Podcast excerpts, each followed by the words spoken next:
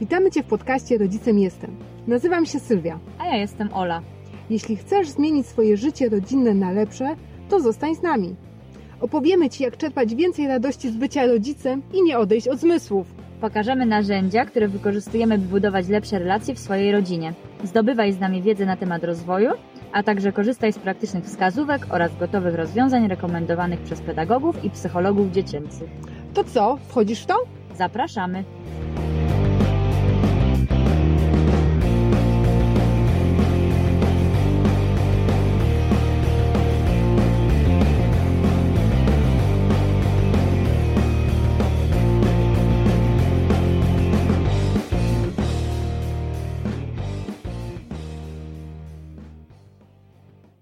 Gościem dzisiejszego odcinka jest Nina Wojtyra. Nina jest dietetyczką z dyplomem Warszawskiego Uniwersytetu Medycznego. Od 12 lat pracuje w zawodzie dietetyka. Aktualnie działa bardzo aktywnie propagując zdrowe żywienie w wielu miejscach, na przykład w przedszkolach, żłobkach i ciągle się rozwija. W pracy klinicznej specjalizuje się w ustalaniu, prowadzeniu i edukacji w zakresie diety eliminacyjnej w alergiach pokarmowych. Prowadzi poradnictwo żywieniowe również od 12 lat i od początku kariery najwięcej i najchętniej pracowała z rodzicami małych dzieci. Pasjonuje ją dietetyka pediatryczna. Najczęściej pracuje z mamami, które natrafiają na trudności związane z żywieniem swoich dzieci. Pomaga znaleźć przyczynę problemu, jego powiązanie, wspiera w procesie zmian w żywieniu, inspiruje i daje wiedzę. Prowadzi swojego bloga, jest autorką e-booka o żywieniu dzieci w pierwszym roku życia oraz kilku kursów online. Prowadzi grupę na Facebooku, a także klub Inspiracji Witanina, w którym m.in. znajdziemy ułatwienia w planowaniu jadłospisów. Zapraszamy do wysłuchania naszej rozmowy.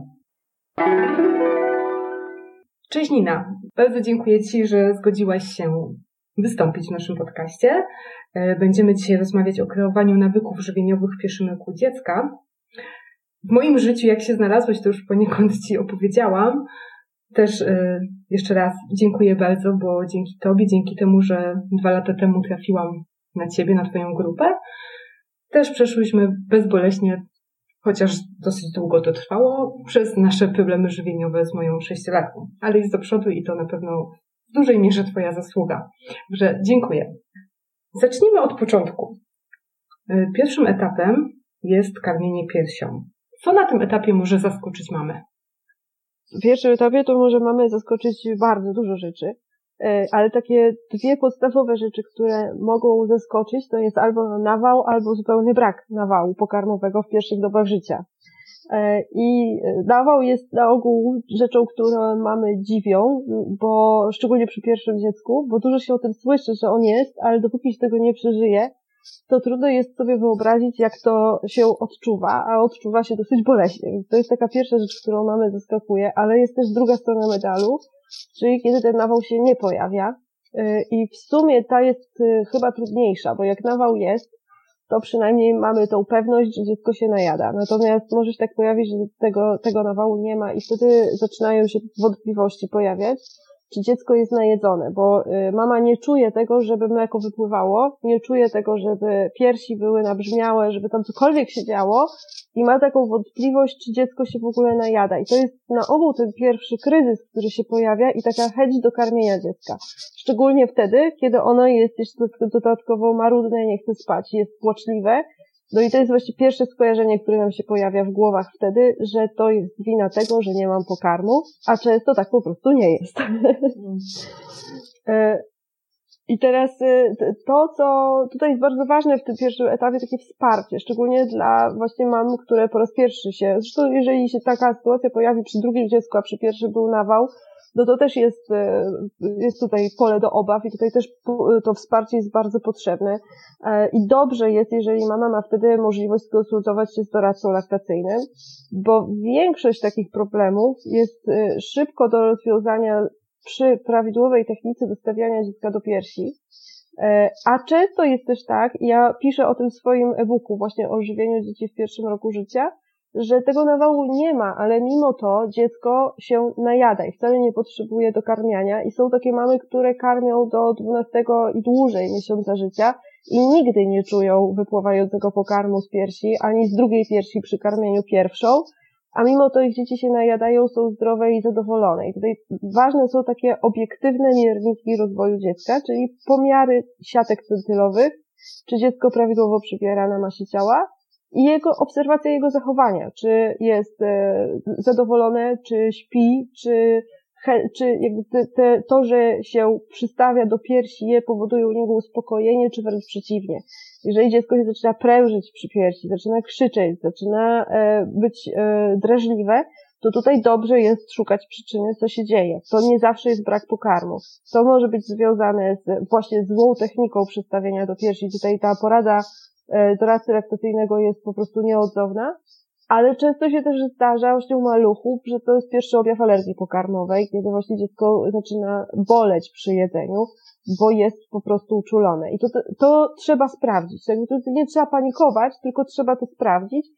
E, no i dobrze by było, gdyby mama miała takie wsparcie w szpitalu, gdzie ci fachowcy mogą jej pomóc, jakby określić to, to, to co się dzieje, bo jakby w sytuacji, w której tego wsparcia nie ma, informacji nie ma, no to mamy zaczynają panikować i zaczynają się obawiać po prostu o własne dzieci. E, I jednocześnie takie trochę mają, e, tak jak ja z mamami rozmawiam, jest takie trochę e, nie, nie wiadomo komu ufać, bo w czasie, w którym jesteśmy w ciąży i czytamy różne książki i się dowiadujemy różnych rzeczy o karmieniu, wiemy, że mamy dziecko karmić piersią do szóstego miesiąca życia. Potem się okazuje, że w pierwszych dobach się pojawiają problemy i na ogół takim pierwszym zaleceniem często pojawiającym się jest to karmienie dziecka już w szpitalu. Jest taki bunt na to ze strony mam. Czasami to dokarmianie jest e, zupełnie nieuzasadnione i wystarczy ten problem rozwiązać w inny sposób. Czasami zdarza się tak, że faktycznie dziecko trzeba dokarmić i że wtedy dobrze, żeby ta mama zaufała tym lekarzom, ale zaufać może tylko wtedy, kiedy dostaje pełną informację i wie, co się dzieje, a nie wtedy, kiedy dostaje zdawkowe informacje, nie ma żadnego wsparcia i sama się czuje zagubiona i nie wie, co się dzieje z nią i z jej dzieckiem. Więc tutaj jakby przy tych pierwszych problemach kluczowe moim zdaniem jest y, i to jest trudne. Wybranie odpowiedniej placówki, w której dziecko przyjdzie na świat. Jeżeli mówimy właśnie o dokarmianiu, sama to, to przechodziłam. Y, pytanie, czy my musimy się godzić na to, żeby nasze dziecko było dokarmione? Wiesz, to jest bardzo trudne pytanie, y, bo godzić się tak naprawdę jako rodzice nie musimy na nic. Natomiast y, jest to bardzo trudne pytanie, dlatego że zdarza się tak, że naprawdę dziecko trzeba dokarmić. E, I wtedy, kiedy waga zaczyna drastycznie spadać, e, kiedy, kiedy lekarze widzą stan zagrożenia zdrowia bądź życia dziecka, no to to dziecko trzeba dokarmić. I to się niestety także zdarza. Więc właśnie z tego powodu to jest trudne pytanie, bo w Polsce mhm. generalnie jest, e, no taka jeszcze panuje trochę stara szkoła, jeżeli chodzi o, o problemy z karmieniem i panaceum na, na wszelkie problemy związane z karmieniem dziecka w pierwszych dobach życia szczególnie w mniejszych miejscowościach, y, gdzieś poza tymi dużymi obszarami, gdzie funkcjonują doradcy laktacyjni, e, jest właśnie dokarmianie. I ono faktycznie jest nadużywane, przez to też mamy nie mają zaufania do tego, że to, to powinna być ostateczność, a nie jest. W momencie, kiedy nie mamy pokarmu, mhm. Mm, to, to dokarmienie prawdopodobnie musi się pojawić, No tak, dziecko tak? nie może być głodne. Ja akurat tak miałam, że dopiero po trzech dniach, gdzieś tam pokarm się pojawił, mała urodziła się czterokilowa, także dosyć spora, więc zaczęła lecieć na wadze. Mhm. Bo jeżeli chodzi o spadek wagi, też y, po urodzeniu jest jakiś taki spadek, tak. który jest akceptowalny i to jest normalne, tak? Tak, oczywiście jest, jest, jest coś takiego jak fizjologiczny spadek masy ciała. Natomiast wtedy, kiedy on zaczyna być, i każde dziecko, które się urodzi na masie straci. Natomiast wtedy, kiedy zaczyna on być zbyt duży w stosunku do norm, ja tutaj nie chcę o tych normach mówić, dlatego że e, one są orientacyjne tak naprawdę i dobrze by było, żeby każdy, każde dziecko było indywidualnie ocenione przez lekarza.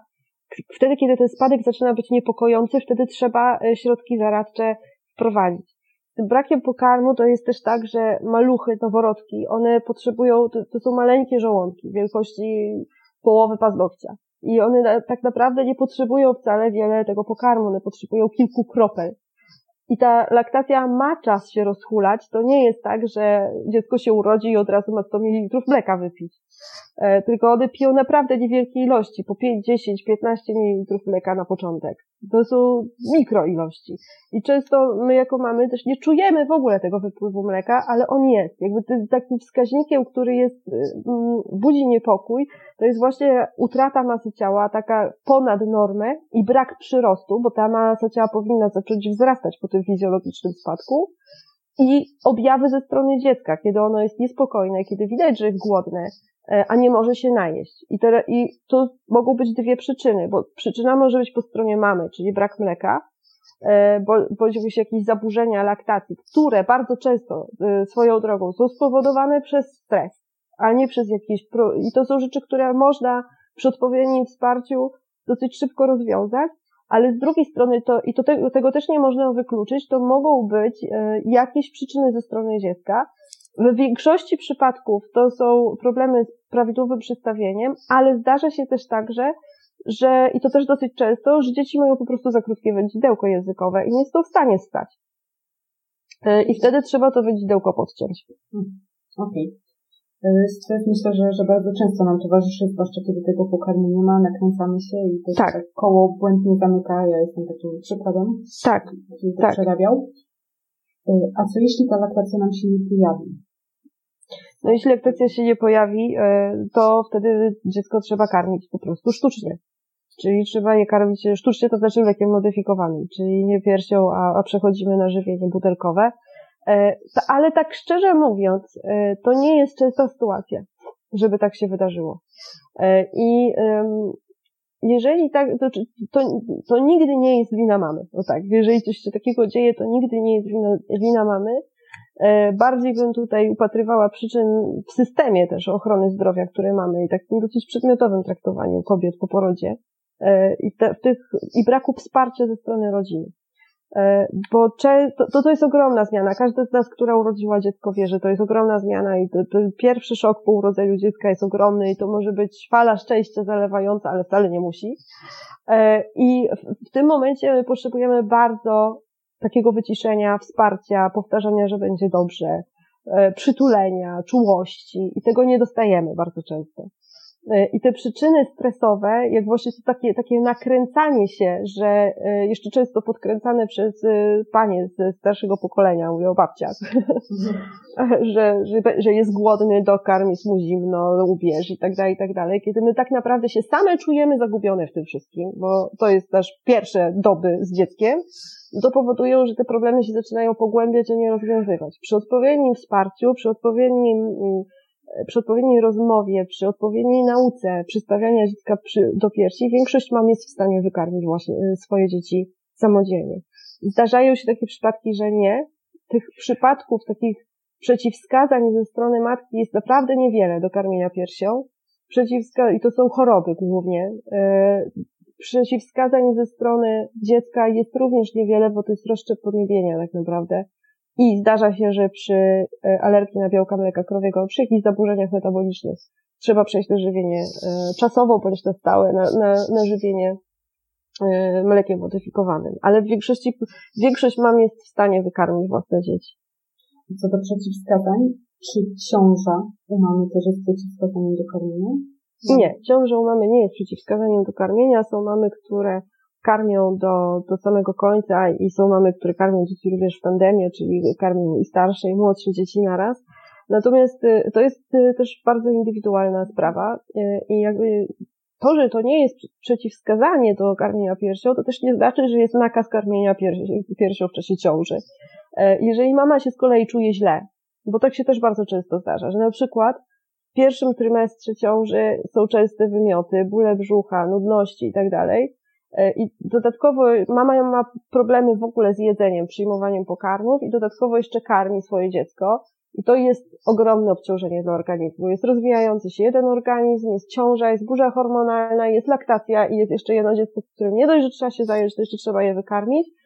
I często jest y, też taki przymus w głowie, że y, karmienie piersią jest najlepszym możliwym rozwiązaniem i ja muszę to wytrzymać. I to się zawsze odbije na mamie. No, dziecku się nic nie będzie, temu karmionemu piersią i będzie wykarmione, to dziecko w ciąży się będzie rozwijało prawidłowo, ale y, takie niedobory się zawsze odbiją na zdrowiu mamy. To, to, czego, to, co dziecko potrzebuje, to z organizmu matki wyciągnie, natomiast wiąże się to z demineralizacją kości. Tak, dokładnie. Więc tutaj jakby trzeba sobie to wyważyć. Y, I jakby bardzo ważne jest, moim zdaniem, bo to, o tym się mało mówi w kontekście żywienia małych dzieci. Raczej się mówi o korzyściach dla dziecka niż o korzyściach dla matki. E, I ważne jest moim zdaniem, aby pamiętać o tym, że matka i dziecko to jest zespół. To nie jest tak, że są decyzje, które są dobre dla dziecka i ja mam wybrać coś, co jest dobre dla dziecka i złe dla mnie. My jesteśmy tak samo ważne jak te nasze dzieci, a dla naszych dzieci jesteśmy najważniejsze, bo jak my siebie wykończymy, to już więcej one nic dobrego w życiu nie dostaną, tyle dobrego co od mamy.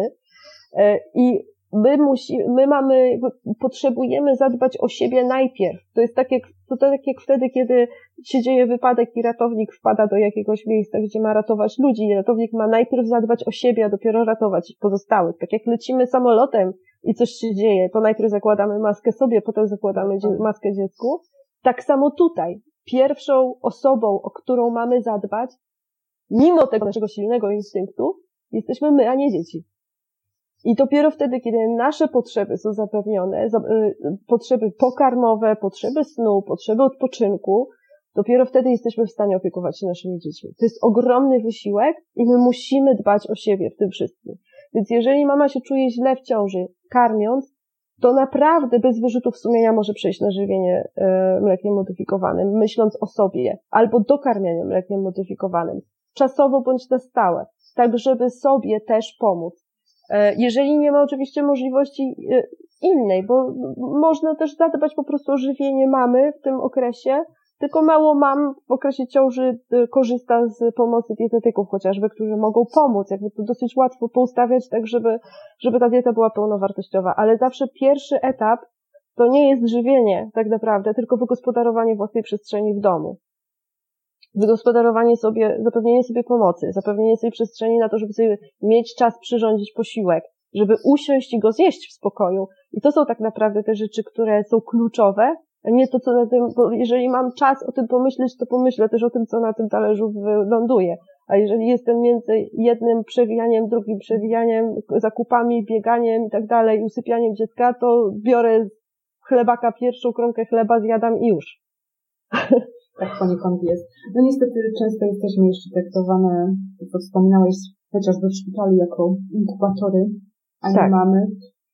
Ale myślę, że powoli gdzieś tam świadomość rośnie mam nadzieję, że będzie to zmienić na lepsze. E, jeżeli wrócimy do, do, do karmienia, tak, i zdarzy się, że jednak musimy przejść na to mleko modyfikowane, z jakichkolwiek względów, uh-huh. jakie wybrać? Tutaj, to, tutaj mamy kilka możliwości. Dla dzieci poniżej roku wybieramy test jedynką. E, dla dzieci powyżej e, drugiego, drugiego półrocza, czyli po szóstym miesiącu wybieramy oznaczone dwójką. I to jest taki podstawowy podział. Mleko modyfikowane 1 i 2. Jaki to jest producent, to tak naprawdę nie ma większego znaczenia, dlatego że skład mleka modyfikowanego różnych producentów jest do siebie zbliżony, nie jest wystandaryzowany, E, i każda, e, każde mleko modyfikowane ma jeden cel, ono ma być jak najbliżej mleka matki. Jakby skład ma najbardziej odzwierciedlać mleko kobiece. Mamy jeszcze kilka innych mieszanek na rynku i to są mieszanki oznaczone symbolem AR e, i te są przeznaczone dla dzieci, które ulewają. I tutaj raczej lekarze sugerują wprowadzenie tej, mieszanki, jeżeli jest taka potrzeba. E, I są mleka modyfikowane typu HA i to są mleka, które są hipoalergiczne. One są przeznaczone dla tych dzieci, które są obciążone ryzykiem rozwoju alergii pokarmowej, czyli na przykład jeżeli oboje rodzice są alergikami, e, to wtedy można rozważyć wprowadzenie takiej mieszanki profilaktycznie. No i są mieszanki mleko zastępcze, czyli takie, które właśnie są używane w alergii pokarmowej. To są mieszanki, które mają zmieniony skład, czyli alergenność białek mleka została w nich mocno zmniejszona i to są albo mieszanki o wysokim stopniu hydrolizy, tak zwane, czyli prawie zupełnie hipoalergiczne, albo mieszanki elementarne, to są takie, w których są już nie białka, a pojedyncze aminokwasy i które w ogóle nie są e, alergenne. Ich alergenność jest zredukowana do zera, tyle że te mieszanki mają swoje wady i te dwie podstawowe ich wady to jest smak i zapach. One po prostu brzydko pachną i nie, nie smakują. co jest efektem hydrolizy mleka, więc bywa, że u dzieci, które najpierw, szczególnie u tych, które były najpierw karmione piersią, jest problem z ich wprowadzeniem, bo one po prostu nie smakują. I trzeba to jakby ten pierwszy etap przetrwać, że, że dziecku to nie smakuje. Na szczęście, no one są już wydawane na receptę, także jakby to, to dostęp jest zawsze po wizycie lekarza. Ale ten pierwszy podstawowy podział to jest mleko modyfikowane 1 i 2. Po mleku przychodzi czas na rozszerzenie diety. Tak. Kiedy i jak rozszerzać? No i to też jest temat rzeka. Bo tak, e, generalnie y, mamy, mm, jest, zacznę od tego, że jest kilka organizacji, które zajmują się żywieniem mm, małych dzieci. I takie dwie najbardziej znane organizacje, najczęściej powoływane zalecenia, to jest Światowa Organizacja Zdrowia i e, druga to jest Europejska Organizacja Zdrowia, czyli SPGAN, która się zajmuje żywieniem dzieci. To się nazywa Europejski Komitet Żywienia Dzieci dokładnie. No i jest trzecia jeszcze nasza polskie, Polskie Towarzystwo Pediatryczne, które też ma swoje zalecenia oparte jakby na zaleceniach tych organizacji światowych. I mówię o tym dlatego, że y, każda z tych organizacji trochę inaczej rozumie rozszerzanie diety przede wszystkim i każda z tych organizacji trochę inaczej definiuje moment, w którym y, ta dieta ma być rozszerzona. Światowa Organizacja Zdrowia to jest e, instytucja, która promuje karmienie pierwsze do szóstego miesiąca życia i jakby jej zaleceniem jest, aby dążyć do wyłącznego karmienia piersią przez pierwszych sześć miesięcy życia dziecka, po czym można zacząć dietę rozszerzać i to jest chyba najbardziej znane zalecenie, najczęściej powtarzane, najczęściej przewijające się w rozmowach mam na forach internetowych i tak dalej. E, natomiast zalecenia e, pozostałych instytucji są takie, i to jest ten oficjalny kalendarz rozszerzania diety, że dietę dziecka rozszerzamy między 17 a 22 tygodniem życia dziecka. 17 tydzień to nie jest szósty miesiąc, jak no Właśnie, jak próbowałam przeliczyć na szybko. Tak, to jest czwarty miesiąc życia. E, to jest dokładnie po czwartym miesiącu życia. Można zacząć wprowadzać pokarmy stałe. E, I teraz, kiedy to robić? U dzieci, które są, rozwijają się prawidłowo, których nie ma żadnej potrzeby związanej z wcześniejszym rozszerzeniem, faktycznie karmienie piersią do szóstego miesiąca życia jest, e, czy mlekiem modyfikowanym jest najlepszym możliwym rozwiązaniem. E, dla SPGAN rozszerzeniem diety jest podanie mleka modyfikowanego. Czyli mama, która, na przykład mama noworodka, która zdecydowała się podawać mleko modyfikowane, w zasadzie według tej definicji już rozszerzyła jego dietę. To nie jest podawanie pokarmów stałych. E, więc to też warto wiedzieć, że to są jakby różne spojrzenia na tą samą sprawę. Natomiast pokarmy stałe najlepiej jest wprowadzać do diety dziecka wtedy, kiedy to dziecko jest na to gotowe, albo wtedy, kiedy tego potrzebuje. E, dziecko, które się rozwija prawidłowo, gotowe na rozszerzanie diety jest wtedy, kiedy potrafi samodzielnie siedzieć, nie musi samodzielnie usiąść, ale ma stabilnie samo siedzieć, może siedzieć z podparciem. I dlaczego mówię o tym, że nie musi samo usiąść? Dlatego, że bardzo często mamy czekają na ten moment, kiedy dziecko usiądzie, tymczasem dziecko siada na ogół samo między 8 a 9 miesiącem życia. I to jest trochę późno na rozszerzanie diety.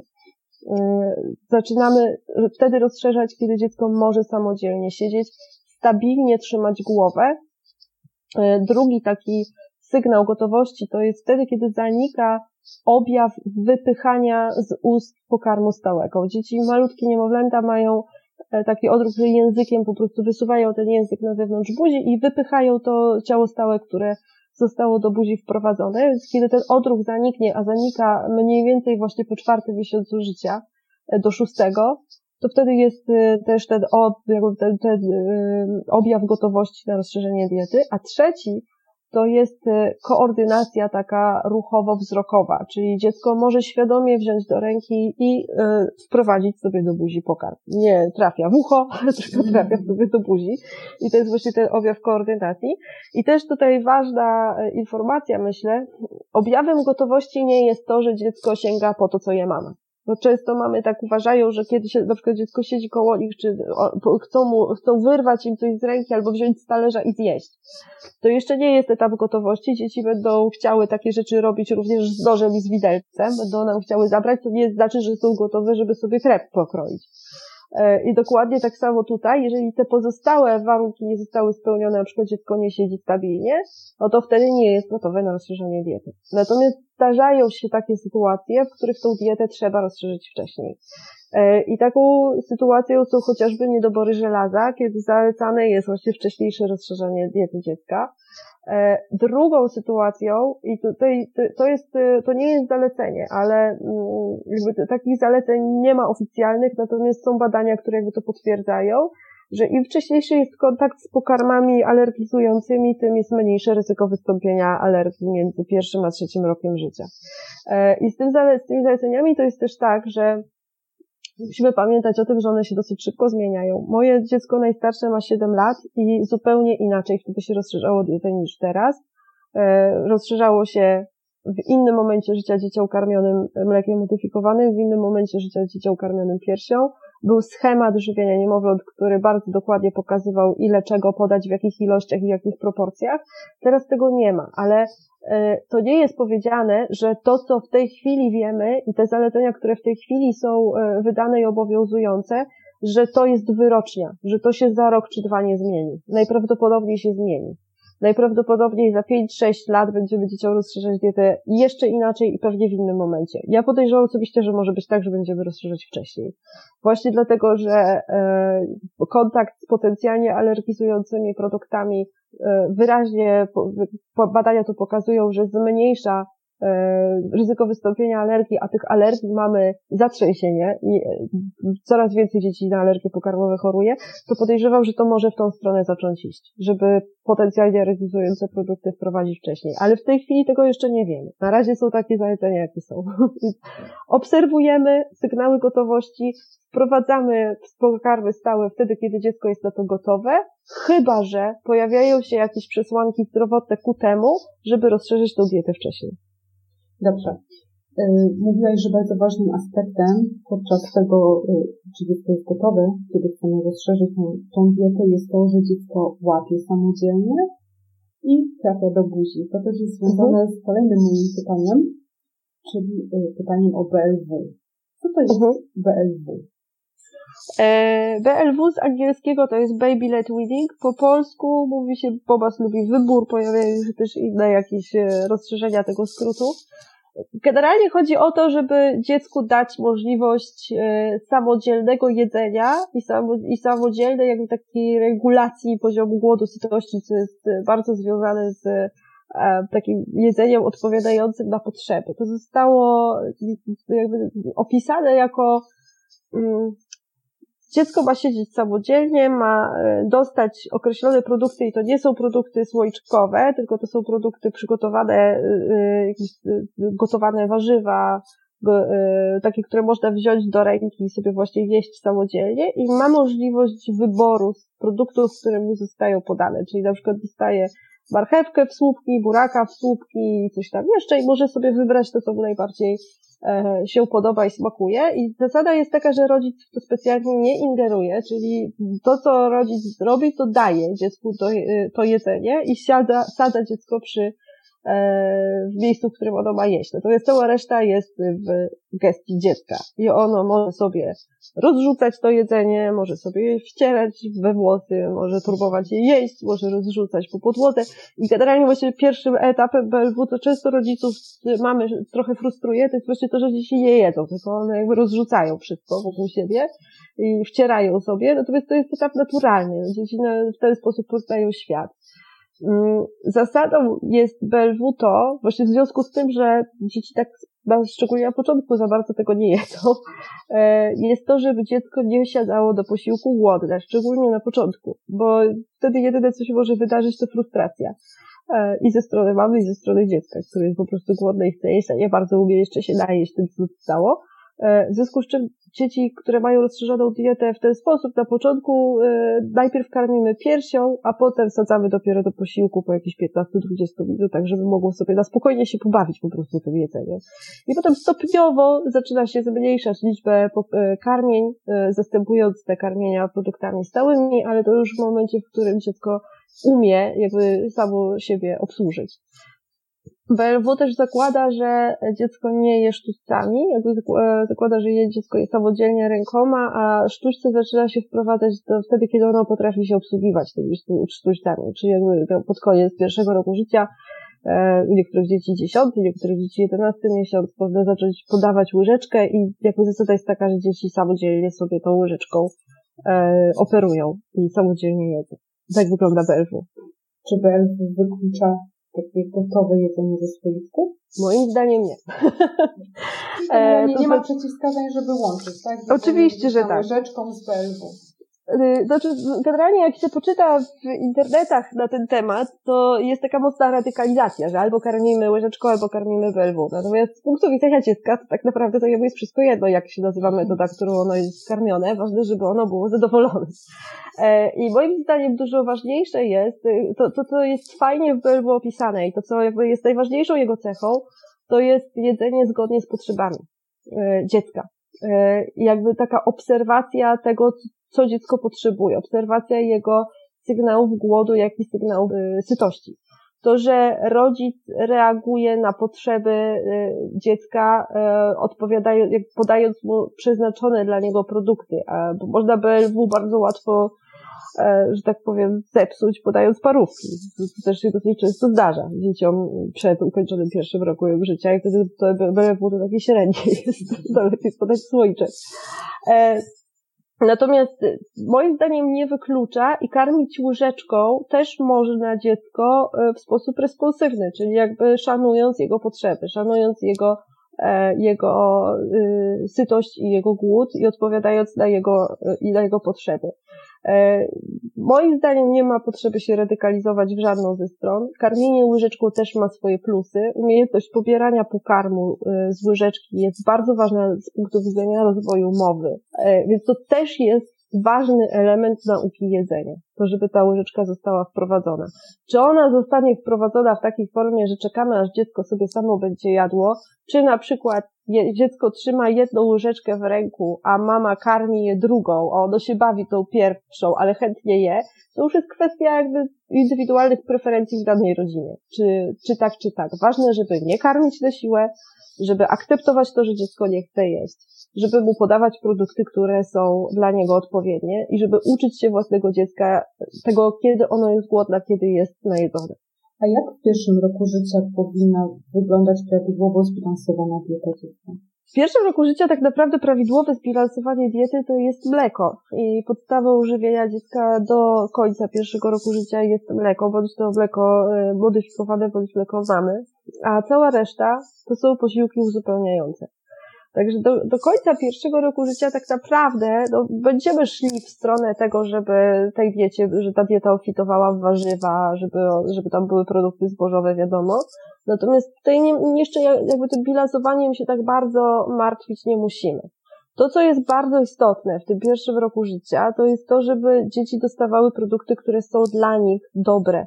Czyli produkty, które są naturalne, które nie mają w składzie soli, bo to są wtedy produkty, które kształtują też odpowiednie preferencje. I teraz to, to, to, to, co jest właśnie ważne w tym pierwszym roku, to jest też kształtowanie odpowiedniej preferencji smakowej. Bo dzieciaki się rodzą z preferencją do słodkiego smaku. Ma, z wody płodowe u matki mają słodki smak. Mleko ma słodki smak. Mleko mamy, mleko modyfikowane także jest słodkie. Jeżeli e, w tym pierwszym etapie życia zaczniemy tą preferencję do smaku słodkiego podbijać, na przykład dietą, która obfituje w owoce, no to to dziecko będzie takie właśnie smaki preferowało. Stąd lepiej jest zacząć rozszerzać dietę od warzyw, które nie są aż tak bardzo słodkie, bo łatwiej dziecko zaakceptuje owoc po warzywie niż warzywo po owocu. No i ważny jest właśnie ten dobór składników pokarmowych, jakby tych produktów, żeby na przykład no, nie, nie, e, nie jest dozwolona sól w diecie dziecka powyżej, poniżej roku. Tymczasem pieczywo, które kupujemy w sklepie, ono jest zawsze solone, nie ma pieczywa bez dodatku soli. Na przykład ja generalnie jestem ostrożna, jeżeli, jeżeli chodzi o podawanie e, pieczywa przed pierwszym rokiem życia, chyba że pieczywa, które pieczemy w domu i, i po prostu tam soli nie dodajemy, bo też się pojawia taki moment w rozwoju dziecka, że ta preferencja do smaku słonego się pojawia, a sól to jest jeden z największych zabójców dzisiejszych czasów, jeśli chodzi o składniki żywieniowe, więc właśnie to jakby pod tym kątem y, y, trzeba zadbać. I mówię o tym dlatego, że ja się często spotykam na konsultacjach z takimi pytaniami, czy ja mogę podać parówkę, czy ja mogę podać mięso z grilla, czy ja mogę podać soczek, czy ja mogę podać, co, co podać do picia i tak dalej. I e, jakby to jest ważniejsze niż to bilansowanie, żeby podawać rzeczy, które są dla dziecka dobre, czyli krótki skład, naturalne produkty i woda do picia. Zresztą te najnowsze zalecenia z zeszłego roku amerykańskiej z kolei Akademii Pediatrycznej, aby nie podawać w ogóle dzieciom do roku soków. U nas to tak w Polsce jeszcze tak niespecjalnie dotarło, że tak powiem, i dzieci bardzo często małe piją soki. A spowodowane, to zalecenie nie jest spowodowane tym, że mm, soki się zrobiły trujące nagle, tylko ogromnym wzrostem otyłości wśród dzieci, a wiemy, że to właśnie słodkie produkty to, za tą otyłość odpowiadają, więc opóźnienie kontaktu z sokami nie będzie tak mocno podbijało preferencji do słodkiego smaku, jak wtedy, kiedy zaczynamy je podawać od samego początku. No to jest to, co mówisz, y, ilość cukru, tak, w tych sokach mhm. y, i właśnie takie preferencje, które się, się u dziecka wykształcają, a dwa próżnica, która później bardzo szybko to też. przychodzi, tak. jeżeli chodzi właśnie o takie, takie soczki. Tak. E, dobrze, a jeżeli chodzi o warzywa, o których wspominałeś, że są dosyć istotne, mhm. E, rozumiem, że takie supermarkety to, to słabe.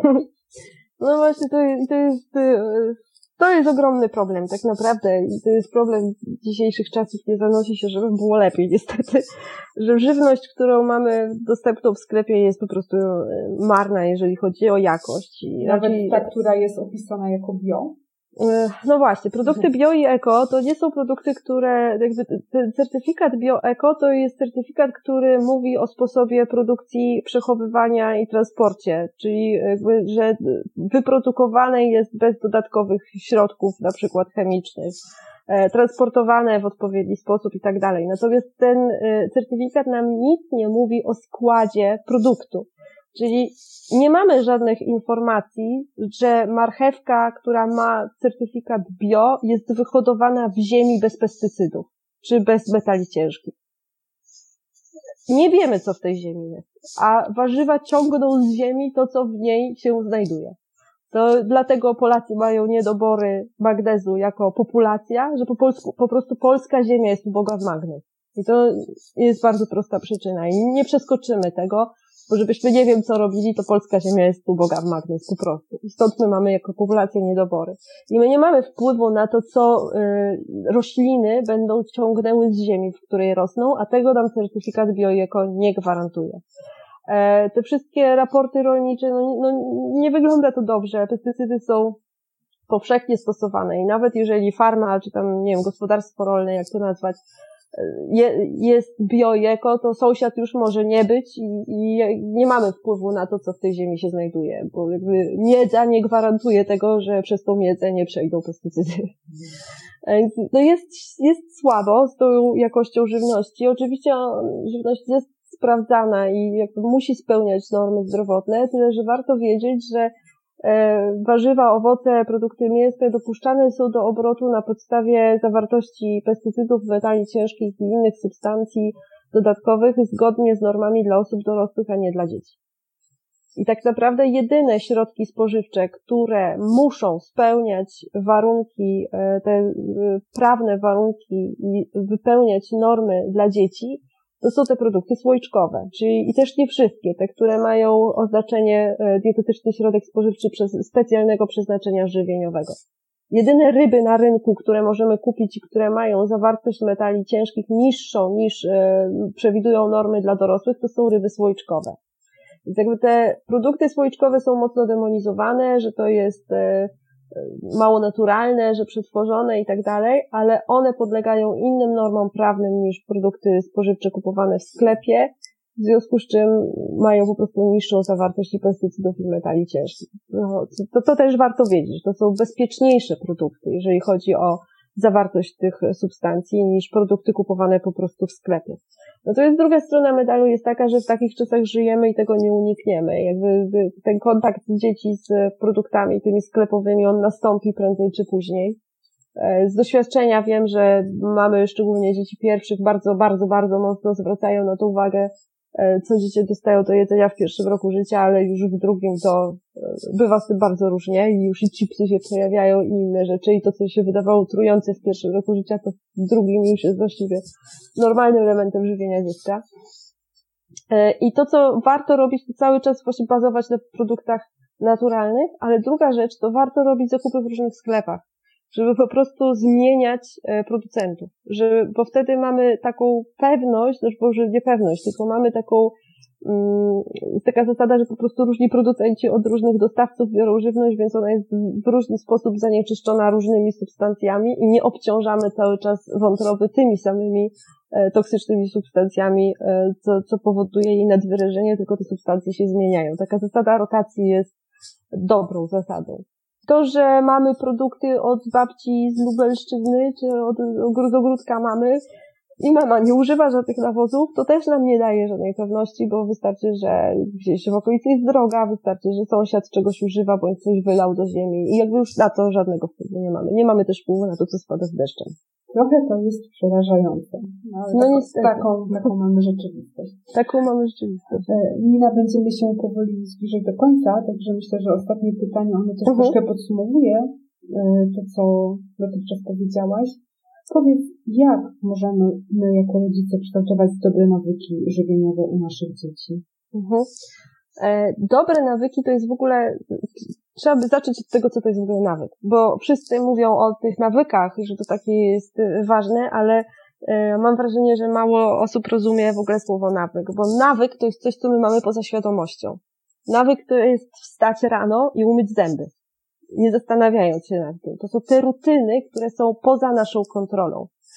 I jakby naszą rolą naszych, nas jako rodziców jest budowanie tych automatyzmów, czyli tych nawyków takich, żeby one służyły zdrowiu.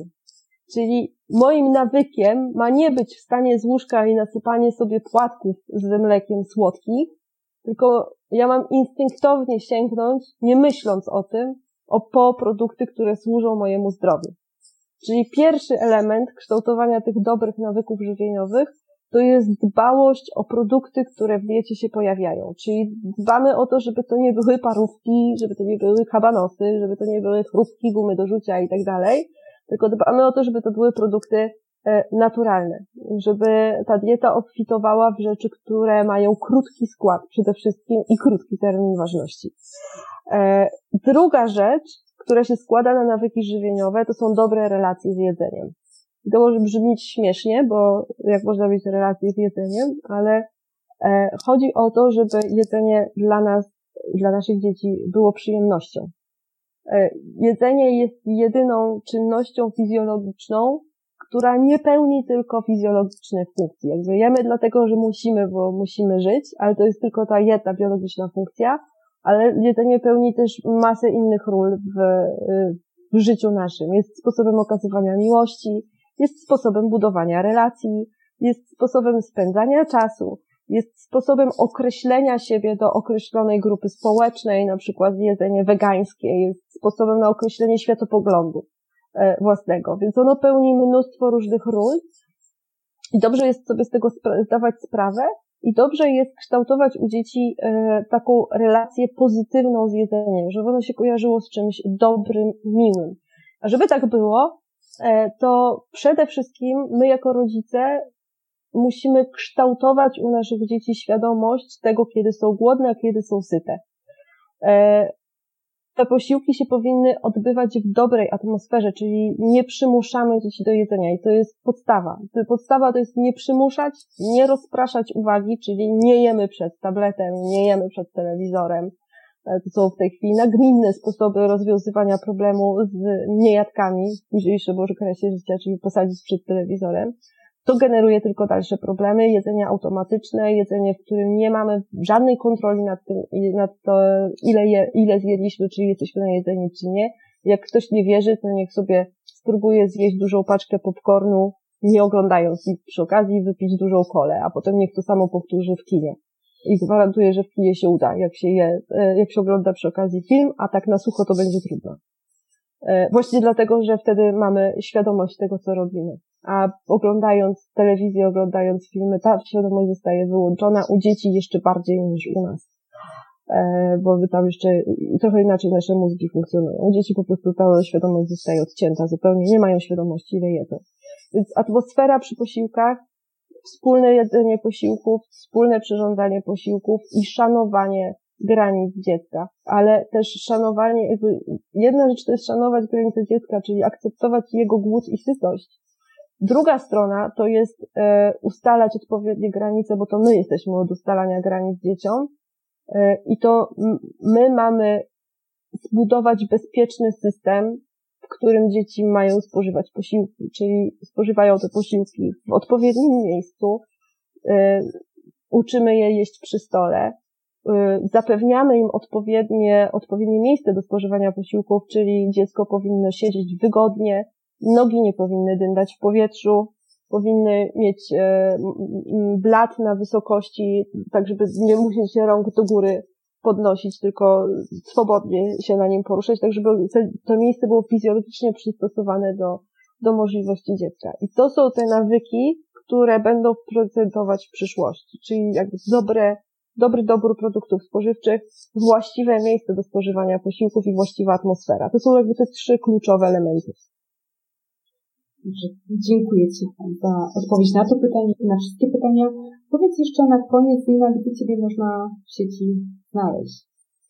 E, mnie można znaleźć e, w, na, na Facebooku e, Witamina Wsparcie w Żywieniu Dzieci. To jest fanpage.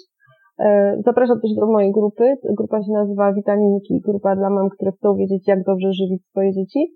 Jestem też na Instagramie jako Nina Witamina, no i na mojej stronie internetowej www.ninawojtyra.pl. Tam można sobie pobrać różne rzeczy, które związane z żywieniem dzieci, czyli e, schemat żywienia niemowląt, piramidę do żywienia dzieci, E, rozdział e-booka, czyli jakby o żywieniu w pierwszym roku życia, czyli w zależności od tego, na jakim etapie e, jesteś, taki możesz sobie prezent dla siebie wybrać i, i wiedzę e, uzupełnić o żywieniu dzieci. Niedawno też napisałaś e-booka właśnie poświęconemu temu pierwszemu roku życia dziecka. Tak. Gdzie możemy go znaleźć? Możemy na stronie www.ninawojtyra.pl łamane przez e-book można sobie pobrać pierwszy rozdział. Książka jest o żywieniu dzieci w pierwszym roku życia. Jest podzielona właśnie na dwie części, pierwsze i drugie półrocze. E, I piszę tam nie tylko o tych rzeczach żywieniowych związanych właśnie z doborem produktów czy bilansowaniem diety, ale właśnie e, dużo miejsca poświęcam kształtowaniu dobrych nawyków i relacji z jedzeniem już od samego startu. Też nie chwalisz się, że wspomagasz nas tutaj w pomysłach na posiłki, Możesz tak. o, o tym tutaj wspomnieć, bo to fajne i bardzo przydatne, myślę, dla wielu mam. Tak, stworzyłam taki, no to jest coś takiego, co ja zawsze sama chciałam mieć i chciałam coś takiego e, dla siebie stworzyć i e, jakby pomaga to też innym szczęśliwie. E, stworzyłam coś takiego, co nazwałam Klub Inspiracji e, i to jest aplikacja, która służy do planowania posiłków, tam w, posiłków dla całej rodziny na cały dzień. W bazie jest w tej chwili ponad 600 potraw, podzielonych te śniadania, drugie śniadania, obiady, podwieczorki i kolacje. E, I z tej bazy można wybierać po prostu posiłki, przeciągając je w odpowiednie miejsce w jadłospisie i stworzyć w ten sposób jadłospis. Można też wygenerować sobie listę zakupów, określić ile osób będzie jadło dany posiłek, więc e, tą liczbę porcji, która będzie gotowana, e, stworzyć listę zakupów, wysłać ją sobie na komórkę bądź partnerowi na komórkę, w trakcie zakupów można odhaczać już kupione produkty, także bardzo, bardzo to pomaga.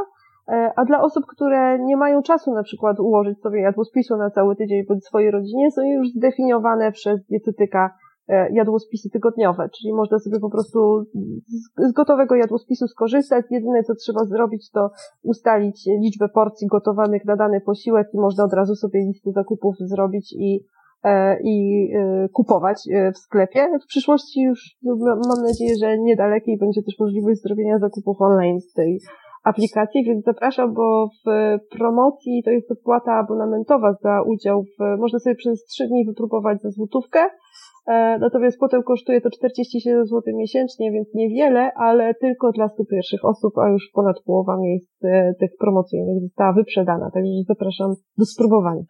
Jest na pewno genialny i poza tym, że będziemy się na pewno lepiej odżywiać, bo z Tobą to na pewno lepiej, to jeszcze oprócz tego na pewno zaoszczędzi nam kupę E, czasu, tak, no, e, jeśli jedna- nawet nie też pieniędzy. Tak? No, jedna z moich klientek napisała mi, to jest mama e, czwórki dzieci, i napisała mi, że dla sześcioosobowej rodziny ułożyła jadłospis, na który wydała niecałe 200 zł w sklepie tygodniowy. Także, także tak, no, ja, ja te posiłki jakby są pewne, pewne założenia były przy ich układaniu. Sama jestem mamą trójki dzieci, więc ja wiem, że czas jest czymś po prostu na, na wagę złota. Więc są to proste posiłki, których e, przygotowanie zajmuje nie więcej niż pół godziny e, i- są na, oparte o ogólnodostępne sezonowe produkty. Są smaczne, bardzo, bardzo je chwalą moje klientki. Ja też tylko właściwie w tej chwili się na własnej aplikacji opieram gotując, więc mogę poświadczyć, że są smaczne. Na Instagramie można znaleźć zdjęcia i przepisy takich przykładowych posiłków z tej inspiracji. Dobrze, to byłoby na tyle. Nina, jeszcze raz bardzo Ci dziękuję. Zapraszam wszystkich e, w te miejsca, w które Nina przed chwilą Was zaprosiła. E, Widzę, że też tutaj Ola do nas dołączyła, bo mnie zazwyczaj tutaj słychać, ale jestem razem z Olą. Dzisiaj niestety Ola nie trzyma mnie tu za rękę i nie wspiera, tak to było przy wszystkich wcześniejszych nagraniach, bo poza tym, że rozłożyło jej kompletnie dzieci, to ją też położyło do łóżka, ale widzę, że tutaj zerknęła na koniec, także też się bardzo cieszę. Niestety jest dźwiękiem wyłączona, więc w imieniu jej też dziękuję.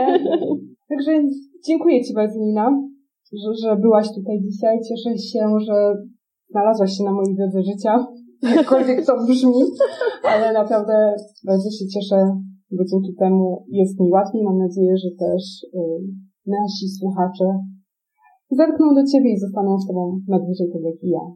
Dziękuję. Bardzo serdecznie zapraszam i dziękuję bardzo. Nina w dzisiejszym odcinku opowiedziała o prawidłowym budowaniu nawyków żywieniowych u dziecka. Pierwszym etapem karmienia jest mleko matki lub mleko modyfikowane. Już na tym etapie dużo może nas zaskoczyć. Mama może zmagać się z nawałem lub brakiem pokarmu. Nina odpowiedziała na nurtujące wiele przyszłych mam pytanie, czy będąc w ciąży można kontynuować karmienie piersią. I tak odpowiedź to to, że jeśli nie ma przeciwwskazań zdrowotnych oraz mama czuje się dobrze, nie ma problemu, aby nadal karmić. W rozmowie zwróciłyśmy uwagę, że należy pamiętać, że mama jest równie ważna jak dziecko. I przede wszystkim musi dbać o siebie, żeby móc dbać o swoje potomstwo. Kolejnym etapem w karmieniu jest rozszerzanie diety dziecka. Polega na wprowadzaniu dodatkowych pokarmów zgodnie z kalendarzami, jakie proponują organizacje żywieniowe. Światowa Organizacja Zdrowia lub Europejski Komitet Żywienia Dzieci. Na uwagę zasługuje fakt, że występuje wiele różnic dotyczących rozszerzania diety u dzieci w zaleceniach wymienionych organizacji. Według Niny najlepszym momentem na rozszerzenie diety dziecka jest moment, w którym wykazuje ono swoją gotowość. Samodzielnie siedzi oraz potrafi złapać pokarm do ręki. Nina pomogła nam rozszyfrować skrót BLW oraz zdefiniowała znaną od stuleci metodę karmienia. Podsumowując, należy pamiętać, że w pierwszym roku życia dziecka podstawą diety jest mleko mamy lub modyfikowane. Pozostałe wprowadzane do diety pokarmy są po prostu dodatkami. Zanim się z Tobą pożegnamy, przypominam, że wszystkie linki i materiały do odcinka znajdziesz na naszej stronie www.rodzicemjestem.pl. Czeka na Ciebie prezent w postaci kalendarza rozszerzenia diety według wspomnianych organizacji. Jeśli spodobał Ci się przygotowany materiał, nie zapomnij dodać swojej opinii na iTunes. Dzięki temu dotrzemy do większej ilości rodziców z przekazywanymi przez nas treściami. I na sam koniec jeszcze jedno ogłoszenie. W dniach od 21 do 28 marca będzie trwała podcastowa akcja pod tytułem Wiosenne Przebudzenie. Akcja ma na celu zachęcenie do słuchania podcastów. Przyłączcie do akcji poprzez opublikowanie zdjęcia czy informacji w swoich mediach społecznościowych o tym, że słuchasz podcastów. Napisz, jakich podcastów słuchasz i oznacz post hashtagami. Hashtag wiosenne przebudzenie, hashtag słucham podcastów. Dziękujemy. Do usłyszenia.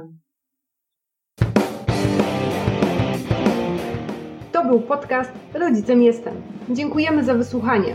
Po więcej zapraszamy na facebookowy fanpage Rodzicielski Drogowskaz, stronę podcastu www.rodzicemjestem.pl oraz blog www www.rodzicielskidrogowskaz.pl Jeśli spodobał Ci się podcast, zostaw swoją opinię na iTunes. Dzięki temu będziemy wiedzieć, że to, co robimy, ma sens.